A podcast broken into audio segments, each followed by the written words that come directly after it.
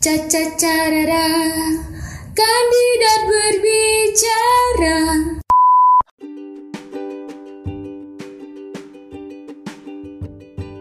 Hai kandidaters, ketemu lagi di episode terbaru podcast Kandidat College dan kalian kali ini akan ditemani dengan aku, Keisha, dan rekan aku, Kak Aji. Selamat mendengarkan. Karena udah dua minggu kita nggak ketemu, jadi untuk mengawali episode kali ini nih, aku mau nanya teman-teman kandidater semua, kabarnya kalian semua gimana? Baik-baik aja lah ya, baik-baik ya. Aku harap semuanya baik-baik aja dan selalu dalam kondisi sehat. Jangan lupa protokol kesehatan kandidaters, oke? Kalau kamu gimana, Jazz? Baik nggak kabarnya? Eh, iya, baik, baik. Nanti nanti kita kita ngomongin lebih lanjut kali ya. Oke, bisa. oke, oke. Kayak ragu gitu kan baiknya. Baik, baik. Eh, palingan Oke. palingan eh, cuman ditemani tugas tiap hari. Aku Oke. bikin tugas di rumah. Oke, Bukan kasihan. bikin orang, bikin tugas. Aduh, sedih banget. Kalau kalau ditemenin eh, pasangan sih nggak apa-apa sih, lebih enak sih. Aku rasa. Iya kan? Aku aku aku rencananya sebenarnya tuh pas kuliah mengharapkan tuh genrenya tuh ya Romance. romance, gitu. Nah, kenapa sekarang genrenya rusak? Oh, rusak. Iya, iya. Oke, kalau kalau Kak Aji gimana nih Kak kabarnya? Eh, aku baik, baik.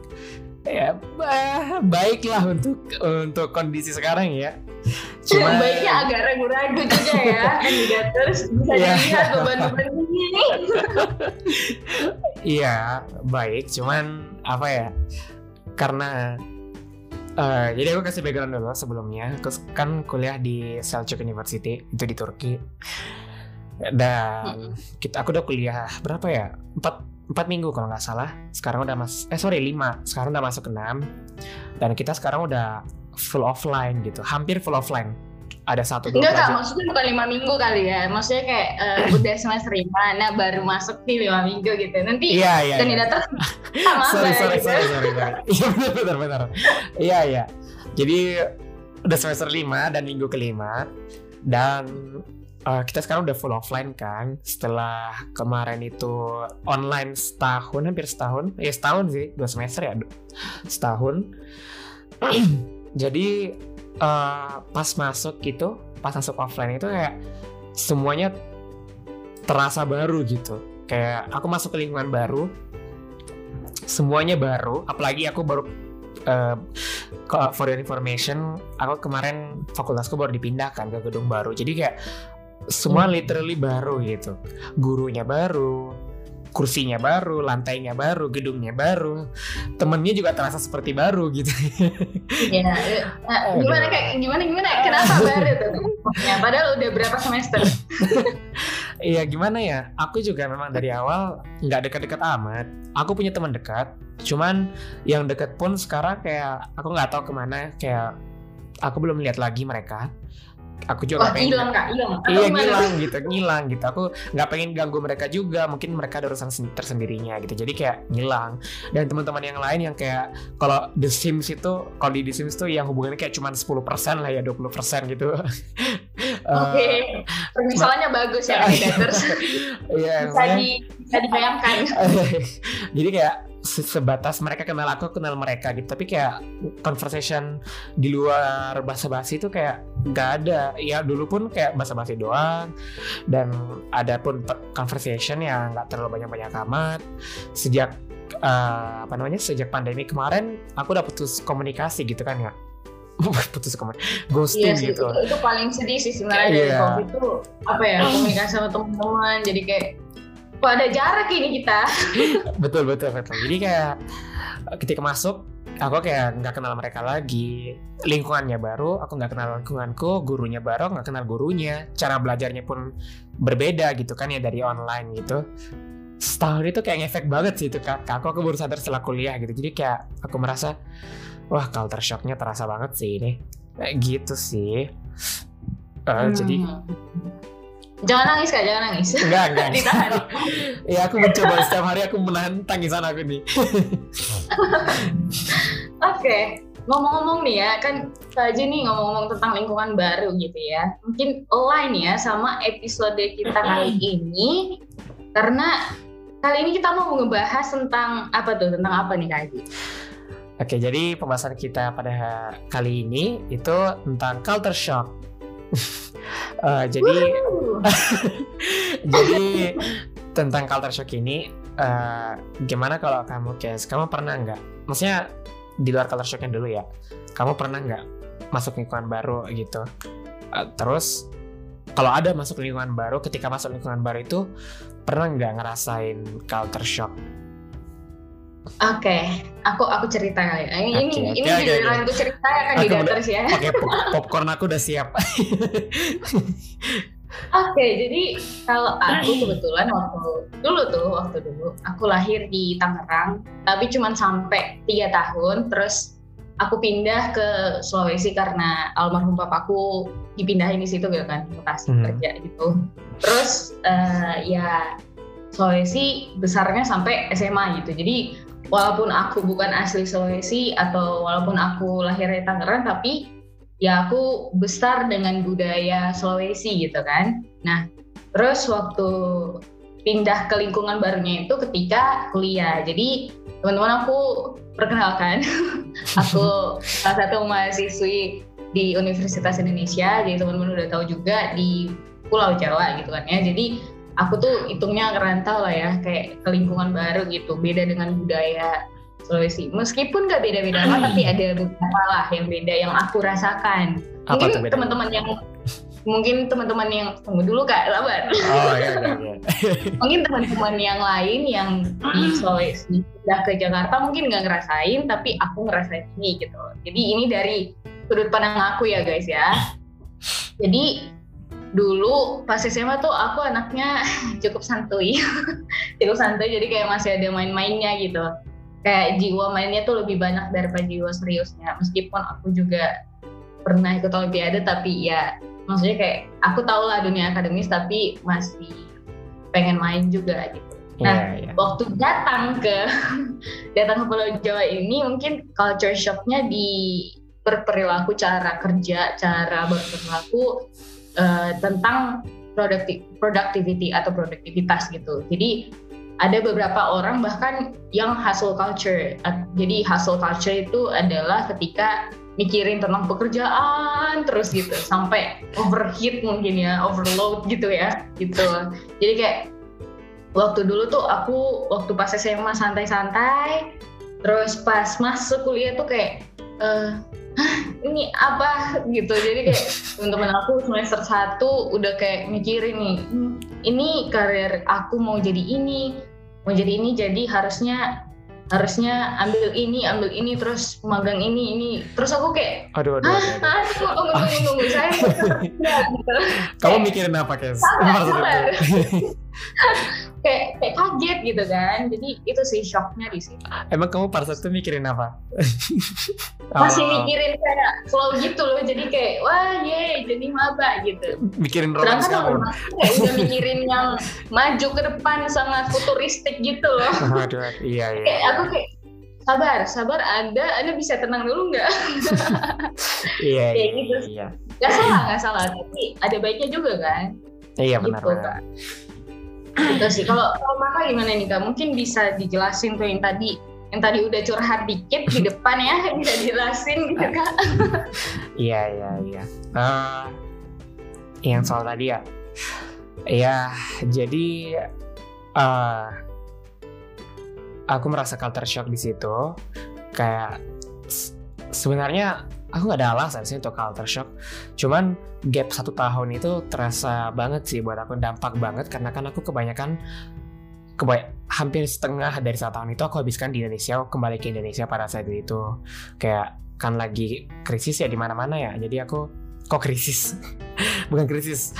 Eh, agak-agak eh, ya aduh agak serius ya kandidaters ya. Aduh. Bahasanya. apa ya? Apa ya apa ngomongnya? Eh, ini kali maksudnya kayak pandemi. Jadi kayak di mana-mana itu orang sakit gitu. Oke panik juga kan. Awalnya aku rencana di si- di Turki cuman kayak aduh panik nih. Aku butuh orang yang aku sayang di dekat aku gitu. Ya ya ya ya kok- gitu. kok kok, kok oke. Ayo serius. Iya iya, maksudnya saya kayak orang-orang kayak teman, eh, keluarga, lebih dari teman juga nggak apa-apa. Eh, terus boleh Ya, boleh ya, boleh ya, oke gitu. oke jadi aku habis ini di Indonesia. Dulu sebenarnya aku udah terbiasa, udah aku adaptasi. Aku udah sempat kuliah 2 tahun sebelum itu. Bukan kuliah, sorry. Udah sempat di sini 2 tahun gitu. Dan udah cukup terbiasa, tapi satu tahun itu benar-benar ngefek sih. Kembali ke sini, kayak semuanya baru, kayak aku jelasin tadi. Eh, guru yang dulunya ngajar, aku aku nggak tahu ya gimana ya, tapi eh, ngajar online dan offline tuh beda banget dampaknya gitu. Kalau online Hmm. mungkin karena ini kali Beda, ya. beda. ya aku Kan- setuju juga sih Eh, Iya, oh, aku nggak tahu ya gimana kalau di sana. Tapi kalau di sini kan, misalnya kan aku pakai bahasa Turki ya sebenarnya. Jadi pas online itu kalau ada yang aku nggak pahamin, misalnya aku bisa ulang gitu, bisa ulang play Iya. play buttonnya, ya bisa ulang di sini kan nggak bisa di rewind gitu. bu bu rewind dong bu, Benar nggak nggak denger. Eh, dosennya bilang maaf ya maaf Maaf ya nggak ada waktu rewind. saya mahal tapi gitu gitu karena dan dari sisi teman eh, ya mereka juga yang aku udah nggak cukup kenal. Eh, mereka juga kan grup-grupan ya sebenarnya. Jadi kayak susah juga buat aku berhubungan sama mereka.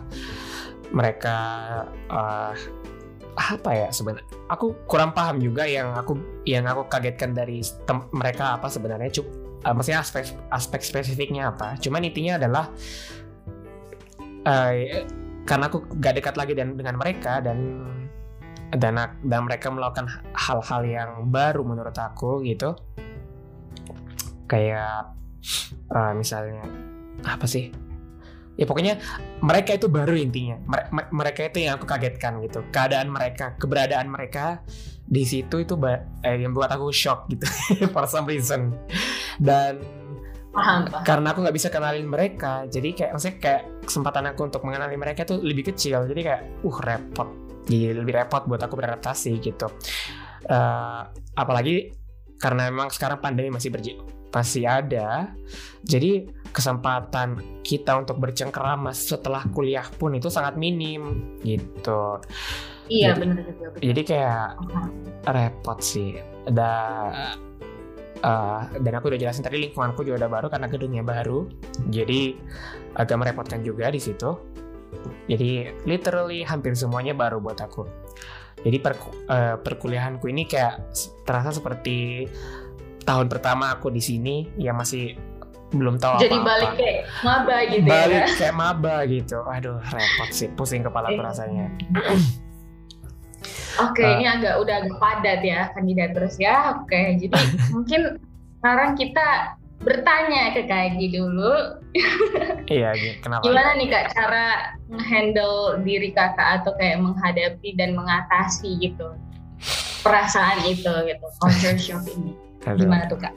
eh, macam-macam sih. Jadi yang first and foremost itu intinya beradaptasi ya. Kayak ada usaha, aku berusaha untuk beradaptasi, ya obviously.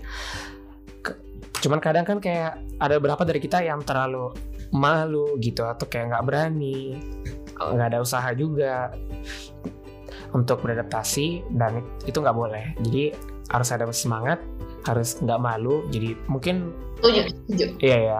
Jadi eh, ini beberapa pengalaman aku ambil juga dari tahun per, eh liter, yang literally tahun pertama aku di sini. Jadi intinya adalah aku berusaha untuk beradaptasi lagi, aku mempelajari lagi lingkungan sekitar aku gimana. Terus apa namanya? eh, aku ya kadang ada hal-hal memalukan ya, bukan hal-hal memalukan sih sebenarnya. Secara pandangan orang mungkin nggak memalukan ya, tapi buat aku itu lumayan memalukan untuk dicoba. Kayak misalnya ngomong ke orang kan yang biasanya malu ya eh, ke orang baru itu. Jadi eh, aku berusaha untuk tidak malu untuk bicara sama orang karena itu kan salah, salah satu sumber culture shock aku gitu. Eh, Tapi jangan malu-maluin juga. ja, tapi jangan malu-maluin juga benar. Terus eh, beberapa dari pengalaman aku pas pertama kali itu yang kayak karena aku nggak tahu bahasanya kan bahasanya berbeda. Jadi aku berusaha untuk pelajari bahasa mereka gitu. Uh, mencoba untuk paham apa yang mereka katakan karena kayak awal-awal datang itu kayak aku ngomong sama bayi gitu. Mungkin mereka juga merasa kayak gitu kak. Aku kayak ini kayak anak bayi gitu ngomongnya ngomong uh, kayak ngomong-ngomong kosong gitu kayak sembarangan di, di kok ngomongin kan ya. Tapi setelah aku, Iya. setelah aku paham bahasanya kayak ini sih kayak ya. Kita bisa lebih paham lah kita bisa selevel lah paling tidak ya, mindset kita gitu. Meskipun memang ada beberapa hal yang kadang sampai sekarang aku masih belajar untuk uh, memahamin kayak kal- beberapa culture mereka uh, attitude mereka itu ya misalnya kayak ini sih. Mereka itu straightforward straightforward banget gitu. Uh, jadi uh, sebenarnya ini ses- sesuai sih sama kayak Jakarta juga cuman karena aku juga dari Sulawesi aku dari Sulawesi dan uh, level straightforward ini kayak apa ya bahasa Indonesia ya Kes ya Uh, Apa ya? Terus terang deh. ya terus terang terus terang level Iya. terus terangnya itu nggak setinggi kayak di Jakarta atau kayak di sini kayak mereka tuh terus terang terus terang banget gitu. Misalnya misalnya nih ya aku jelek nih mereka bilang kamu itu jelek gitu. Oh, Iya. nggak ada filternya gitu. Kalau aku selalu sampai kena mental gitu ya. Enggak sih. Nggak mereka nggak bilang gitu cuman contohnya gitu. Misalnya eh, kamu kurang bagus dalam melakukan satu mereka bilang gitu. Kamu ini kurang bagus ini. De- dengan nadanya yang datar ya kayak kayak itu hal yang normal gitu. Jadi kayak itu beberapa tantangan aku tapi aku belajar sih. Terus eh, apa namanya? Aku juga berusaha untuk membuka pikiran aku kayak jangan cuma terpasang terpangku di terpaku sorry terpaku di eh, budaya aku yang lama di diriku yang lama tapi aku juga melihat ke depan gitu melihat ke yang lain. Aku terbuka dengan budaya mereka bu- terbuka dengan lingkungan ini gitu. Dan paling terakhir itu kayak a- kalau misalnya aku lagi down banget kalau saya kayak overwhelmed dengan semuanya ini sih aku kayak istirahat sebentar aku mencoba untuk eh, eh, apa namanya mencicipi sedikit ya bahasanya kayak lingkungan-lingkungan lama aku. Kan di sini juga ada be- beberapa teman Indonesia ya. Jadi kayak aku ngumpul sama mereka lagi gitu kayak makan makanan Indonesia lagi. Eh, ya ber inilah bersosialisasi sama mereka lah intinya gitu. Tapi jangan terbiasa gitu karena kalau terbiasa juga nanti usaha aku buat beradaptasi sama ini budaya baru hilang gitu. Buat apa? Ya kan sia-sia juga. iya betul. Jadi kayak gitu sih. Eh, kalau dari eh, apa namanya kalau dari aku gitu ya Hmm. banyak sih sebenarnya cuman yang paling utama ya itu sih kalau dari yang paling utama yang aku rasain ya paling masih stuck di otak aku paling tidak itu Iya. kalau kamu gimana Kes? Kalau aku eh, mungkin kayak lebih langkah-langkah gitu, agak terstruktur ya, anaknya terstruktur ya. Kelihatan dari jurusan mana mungkin. Oke. Jadi eh, aku yang pertama, pertama cukup mirip sama kak kakak tadi. Aku lebih ke diem dulu. Jadi waktu waktu dulu tuh kayak aku langsung sadar ini ada yang salah nih kayaknya sama aku nih. Aduh, ada apa ini kan? aduh aduh Terus Ya. eh, karena karena awalnya kayak aku udah merasa ih ini ada yang salah, terus kayak eh, aku juga udah mulai sering overthinking, udah berlebihan banget. Akhirnya aku diem diem dulu, terus aku amati sekitar aku, terus kayak aku mengamati tuh habitnya mereka kayak gimana, kebiasaan mereka, terus culture-nya mereka, terus eh, aku juga ngefilter gitu. Ini positifnya apa yang bisa aku ambil ya. Terus negatifnya tuh apa ya yang seharusnya aku hindari gitu. Dan setelah aku amati, udah beres tuh kan ya. Udah beres, aku langsung kayak meng- mengenali diriku sendiri gitu. Jadi ini aku potensinya apa sih? Aku ngapain sih? Aku eh, harusnya gimana gitu kan? Kayak kata mengambil mengambil tindakan dari eh, pengamatan aku tadi gitu. Aduh, aduh kok berat banget ya bahasanya. kayak kayak self reflection itu. banget gitu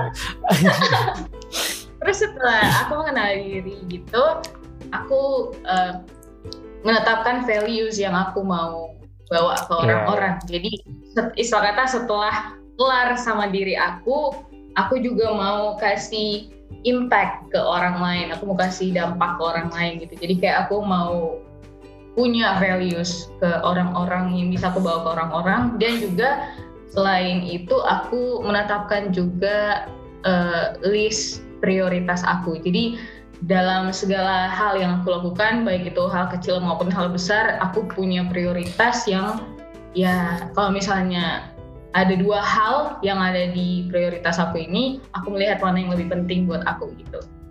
Biar punya pendirian.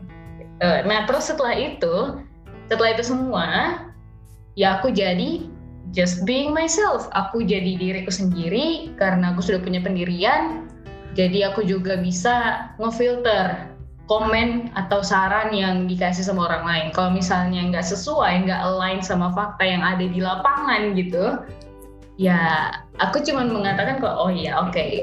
itu itu pendapatnya dia, it's okay. Orang kan juga bebas berpendapat kan. Jadi kayak nggak apa-apa gitu. Aku nggak overthinking lagi kayak dulu-dulu gitu. Gitu. Waduh, waduh, waduh. Wah, kayak agak padat ya. sangat sistematis sekali gitu. Kayak aku kayak baca buku self reflection gitu. ya oke. Okay. Tapi kayak ya, ya, ya, aku, aku, aku paham, aku paham. Uh, apa namanya dari penjelasan kita tadi maksudnya kita kan tadi udah ngomong panjang lebar nih ya tentang uh, panjang udah panjang kali lebar kali tinggi ya. Iya tentang tentang pengalaman kita terus cara kita menghadapinya gitu. Kamu ya. ada saran nggak buat kandidat kira-kira sekarang? Kayak gimana saran. nih kalau kalau mereka yang menghadapi culture shock gimana kira-kira saran buat mereka? Nah, uh, saran kalau saran tuh yang pertama jangan takut berproses. Itu sih itu paling penting banget sama kenali diri sendiri dulu. Terus hmm. uh, kenapa aku bilang jangan takut berproses karena kita kan maunya ada kemajuan ya dalam hidup kita ini. Masa cuma jalan di tempat aja gitu. Yeah. Nah, dengan kita mau kemajuan, mau perkembangan dalam diri kita, ya untuk untuk mencapai itu pasti harus ada prosesnya gitu. Dan ya ya ya udah kayak enjoy aja prosesnya gitu. Terus setelah itu mungkin setelah mengenali diri dan juga jangan takut berproses, just be yourself.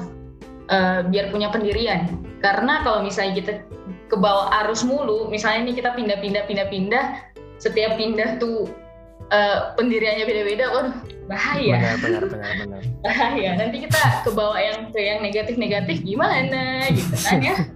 Iya iya. Gitu. Kalau kalau Kak Aji gimana Kak? Soalnya kakak ini kan kayaknya udah suhu ya. Aduh aduh. aduh. Aku kan masih di Indonesia, kakak udah ke luar sana. Aduh aduh aduh aduh. Dengan perbedaan waktu, budaya dan sangat beda dengan Indonesia. Boleh Kak mungkin kasih saran-saran jitunya buat kandidaters. Uh, kalau aku uh, gimana ya?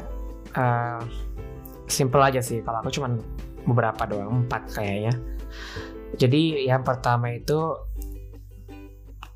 uh, be prepared. Jadi siapin diri kalian. Jadi semakin banyak yang kalian tahu tentang lingkungan yang akan kalian hadapin, kalau misalnya lingkungannya baru, kayak semakin kecil efeknya terhadap kalian gitu karena kalian udah tahu gitu kalian udah bisa mengantisipasi itu gitu kan ya. Jadi kalian udah siapin mental dari awal. Itu yang pertama. Terus yang kedua itu adalah uh, adapt jangan lupa untuk beradaptasi. Maksudnya jangan lupa ada usaha untuk beradaptasi gitu. Jangan mau tersangkut di uh, kepompong lama kalian lah ya bahasanya.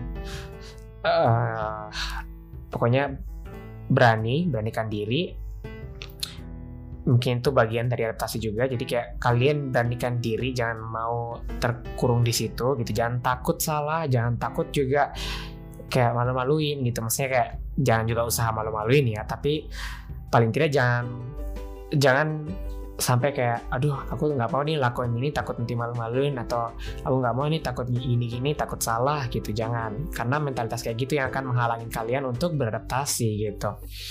Jadi usahakan itu iya jadi usahakan itu hilang gitu. Dan misalnya uh, kalian terlalu stres nih dengan culture shock ini terlalu membebani otak kalian, ada beberapa hal yang bisa kalian lakukan. Misalnya yang pertama itu uh, take a step back dulu little. Jadi kalian istirahatkan diri kalian dulu. Nanti kalau misalnya terlalu misalnya ini terlalu susah nih kondisi kalian terlalu overwhelmed, kalian take a step back cari tempat comfortable kalian ya comfort zone. Terus habis itu beristirahat sebentar di sana. Tapi intinya jangan terlalu jangan terlalu nyaman juga karena nanti kalau terlalu nyaman jadinya kayak ya nyangkut di situ. Deh kalian gagal beradaptasi gitu. Kayak aku tadi bilang ya sebelumnya jadi jangan sampai itu terjadi gitu. Dan yang berikutnya adalah eh, ini uh, melakukan hal-hal yang dapat mengalihkan mengalihkan pemikiran kalian gitu. Misalnya tadi kayak uh, si kayak kamu case kan ini overthinking banget ya. Jadi kan kamu berdiam gitu tenangkan diri gitu. Itu kan juga salah satu bentuk dari mengalihkan perhatian otak kamu ya. Jadi sebenarnya Ya, sejalan sama itu juga. Kamu alihkan otak kamu ke yang lain fokuskan ke yang lain. Misalnya misalnya nih kamu kan di lingkungin di lingkungin lagi di lingkarin sama lingkungan baru nih. Jadi kamu serap deh lingkungan baru itu kayak kamu jalan-jalan jadi kan itu petualangan jadi kan itu hal yang menyenangkan gitu. Ya kamu jalan-jalan ke lain-lain gitu. Kalau kamu tetap akan dihadapi sama hal baru tapi konteks hal baru ini jadinya kayak fun gitu. Kamu emang sengaja mau men- menerima itu. Jadi Benar-benar. Jadi kayak jangan gitu apa ya kak? Eh, negatifnya dulu dipikirin iya gitu. benar Jadi benar kayak benar. membawa itu oh ya aku tiba di tempat baru Iya. kayak gitu kayak, Iya. kayak Dora aja guys. iya benar benar Semangat.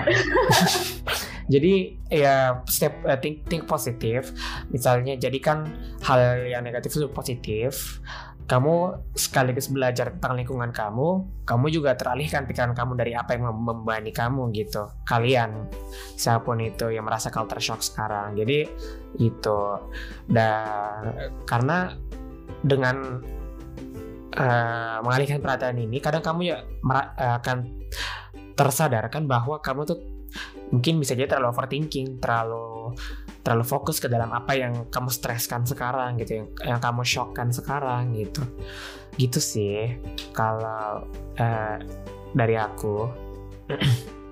Dan guys, kandidators bisa dilihat yang mana yang suhu, yang mana enggak. Enggak, enggak, enggak, aku juga cuma Oke. santai Oke, aja. eh, mungkin kalau untuk episode kali ini ada yang mau ditambahin lagi nggak kak? Sebelum kita tutup, benar-benar tutup, bungkus, kelar gitu.